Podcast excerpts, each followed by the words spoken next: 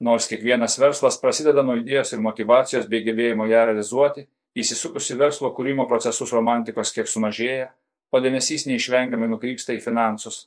Vienas iš pagrindinių verslo tikslų yra dirbti pelningai ir nešti gražą. Pelninga veikla padeda užtikrinti įvairiapusę naudą bei verslo testinumą. Deja, kartais patirties trūkumas pradedantiems verslininkams pakiša koją. Tačiau Svetbank verslo akademijos programos skirtos smulkiojo verslo stiprinimui praktika rodo, kad laiku identifikavus klaidas, jas ėmus taisyti, verslo trajektoriją galima pakreipti sėkmės ir augimo keliu. Tad kokios klaidos dažniausiai sutrukdo verslininkams ir kaip jų vengti? Neteisingas kainos orientyras. Dalis smulkaus verslo atstovų nuo pat veiklos pradžios bando užimti savo vietą rinkoje siūlydami produktus ar paslaugas mažesnė kaina nei konkurentai. Tokiu atveju verslininkai dažnai net nežino, kokia yra tiksli jų produkto ar paslaugos savikaina, nes atspirties tašku tampa konkurentų kaina.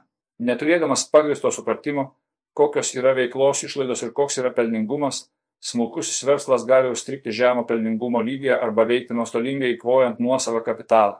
Tokiu atveju atsistoti ant kojų įmonį gali apskritai nepavykti. Siekiant išvengti šios klaidos, savo būtina atsakyti į kelis klausimus. Visų pirma, kokia yra produkto savikaina ir kokią kainą turite nustatyti, kad būtumėte pelningi. Tuomet, kokia yra konkurentų kaina. Nuo atsakymų į šios klausimus priklausys tolesni žingsniai. Jei konkurentai parduoda ženkliai pigiau, reikėtų peržvelgti jų finansinės ataskaitas, iš kurių matysite, ar jų veikla pelninga. Jei konkurentai yra pelningi, ką jie daro kitaip. Galbūt pavyks rasti išvalgų, kaip galite veikti efektyviau ir sumažinti sąnaudas ar padidinti pardavimo maržą. Jei tampa akivaizdu, kad jūsų produktas ar paslauga bus brangesni, tuomet reikia galvoti, kokias papildomas vertes galite pasiūlyti pirkėjui, kad jis jaustų vertę ir sutiktų mokėti daugiau. Nepakankama finansinių rodiklių priežiūra.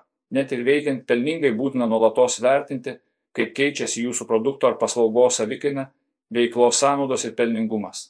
Niekada tiksliai nežinosite, kaip iš tiesų sekasi jūsų verslui, jei reguliariai neseksite savo įmonės finansinių rezultatų. Neužtenka tiesiog pajusti, kaip sekasi ir pasižiūrėti į finansinės ataskaitas po to, kai buhalterijos kolegos jas paruošė registrų centrui. Stebėkite savo įmonės finansinius rodiklius bent kartą per mėnesį, bet nerečiau kaip kas ketvirtį. Svarbu ne tik sekti rodiklius, bet ir suprasti pokyčių priežastis. Jei didėja pirkėjų skolų suma, kodėl tai vyksta? Ar taip vyksta dėl to, kad norite auginti pardavimus ir suteikiate ilgesnius atidėjimus mokėjimams? o gal todėl, kad esami pirkėjai vėluoja atsiskaityti, jei didėja sandrio balansinė vertė, kodėl tai vyksta. Ar papildėte prekių atsargas prie sezoną, ar jame guli kelias metus neparduotos prekės.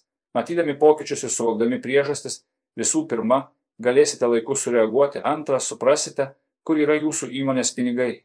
Būtų gerai tai pradėti daryti prieš tai, kai prireikia sumokėti partneriams, o sąskaitoje pinigų nėra. Veikimas principų pasidaryk pats. Smulkaus verslo savininkas pradžioje dažnai turi pasirūpinti visko pats, tačiau verslui augant vienas savininkas visko padaryti pats nebegali.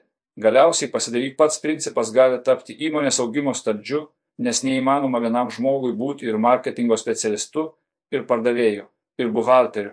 Turint ribotas galimybės priimti naujų darbuotojų, galima atrasti įvairių būdų, kaip pasitelkti reikalingus žmogiškosius išteklius. Pavyzdžiui, pamėginti pritraukti stažuotojus ir praktikantus, kurie norėdami įgyti patirties, su dideliu užsidegimu ir noru prisidės darbais ir idėjomis.